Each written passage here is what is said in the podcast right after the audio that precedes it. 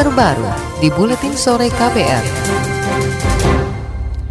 Saudara korban banjir Jakarta dan sekitarnya mengeluhkan kurangnya bantuan di posko pengungsian seperti pakaian dan kebutuhan bayi. Mereka juga berpotensi terserang penyakit. Denny Wiranto, salah seorang pengungsi di posko Universitas Borobudur, Cipinang Melayu, Jakarta Timur, mengeluhkan adanya diskriminasi dalam penyaluran bantuan. Panitia posko hanya mengutamakan warga asli Cipinang Melayu, sedangkan warga pendatang seperti Denny kesulitan mendapatkan bantuan. Padahal menurutnya ratusan pengungsi di posko punya hak yang sama untuk mengakses bantuan tersebut. Ada beberapa teman-teman ya tetangga di RW, eh, di RT, beda RT itu pada mengeluhkan. Saya melihat dengan mata saya sendiri ada bantuan kayak Promina atau apa, itu mereka nggak dapat. Saya suka sampai kemarin saya marah-marah. Itu buat balita tuh mana? kita di data balita, tapi khusus balita itu mana gitu katanya. Jadi ada ya wajar lah kita sebagai korban bencana ini kan nggak pandang mau kaya mau miskin, intinya kita ini korban.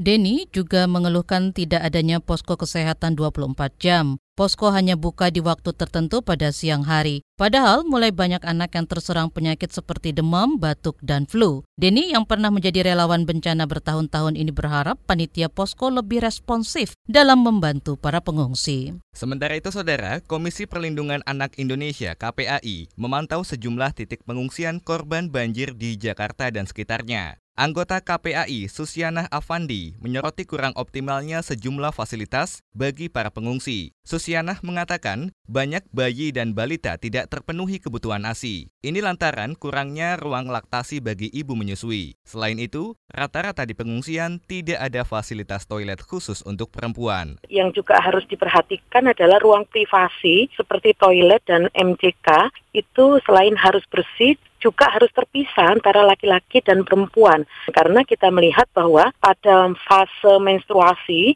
misalnya fasilitas toilet dan ketersediaan air bersih itu harus terjamin gitu ya bagi agar bisa diakses oleh anak perempuan dan remaja perempuan. Nah, saat melakukan pengawasan di tempat pengungsian, eh, masalah ini masih menjadi masalah klasik. Anggota KPAI Susiana Afandi turut mengkritik minimnya dukungan dari pemerintah pusat, terutama untuk kegiatan psikososial bagi warga terdampak banjir. Padahal, proses pemulihan trauma atau trauma billing dibutuhkan warga maupun anak-anak korban banjir.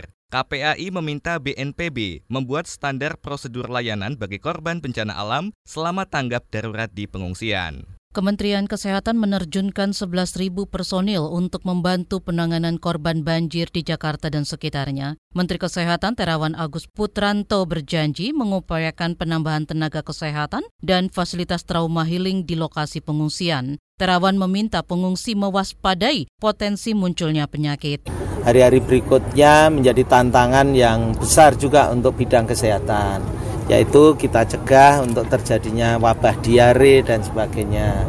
Karena itu kita anjurkan untuk berlatih cuci tangan.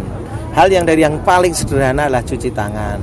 Dan saya mengecek kesiapan air bersih maupun tempat-tempat buang air sanitasinya.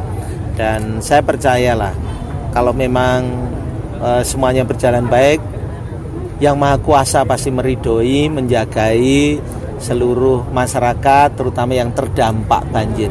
Menteri Kesehatan Terawan Agus Putranto menambahkan penyandang disabilitas ibu hamil dan anak-anak bakal diprioritaskan untuk mendapat bantuan. Kata dia, pemerintah telah menyiapkan penanganan khusus bagi mereka. Saudara, Badan Nasional Penanggulangan Bencana atau BNPB mengklaim sudah maksimal dalam menanggulangi dampak banjir Jakarta dan sekitarnya. Pejabat Direktur Kesiapsiagaan BNPB Bambang Surya Putra menegaskan, lembaganya memiliki standar prosedur ketat dalam penanganan bencana. Ia memastikan pemenuhan terhadap hak-hak pengungsi. Meski begitu, ia mengakui tak bisa menyediakan fasilitas toilet terpisah bagi laki-laki dan juga perempuan. Banjirnya sifatnya sementara, bukan banjir yang menimbulkan uh, dampak kerusakan yang luar biasa terhadap pemukiman. Ini case-nya agak berbeda ya dengan eh, bencana-bencana uh, yang recovery-nya agak panjang.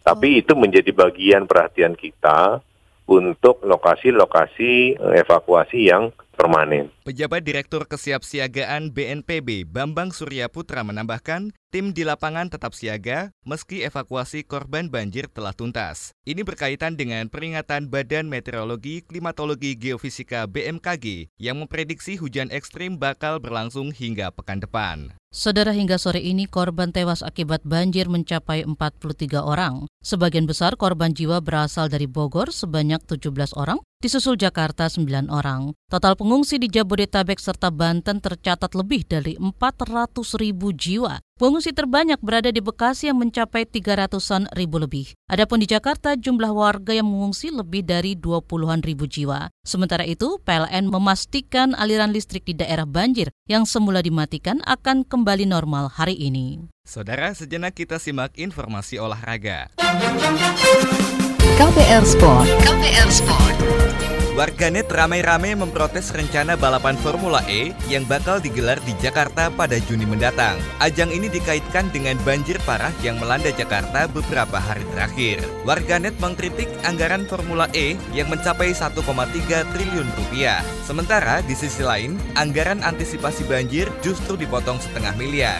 Isu ini bahkan masuk trending topik di Twitter dengan tagar Same on You Formula E Jakarta. Banyak pula yang mengirim pesan kepada panitia panitia penyelenggara Formula E untuk membatalkan ajang tersebut. KPR Sport. Liverpool makin kokoh di puncak klasemen usai menggasak Sheffield United dua gol tanpa balas di kandang sendiri dini hari tadi. Dua gol dicetak Mohamed Salah dan Sadio Mane. Hasil ini membuat The Reds semakin nyaman memuncaki klasemen Liga Inggris dengan mengoleksi 58 poin atau unggul 13 poin dari Leicester City di posisi kedua. Peringkat ketiga ditempati juara bertahan Manchester City dengan selisih satu poin dari The Fox. KPR Sport. KPR Sport.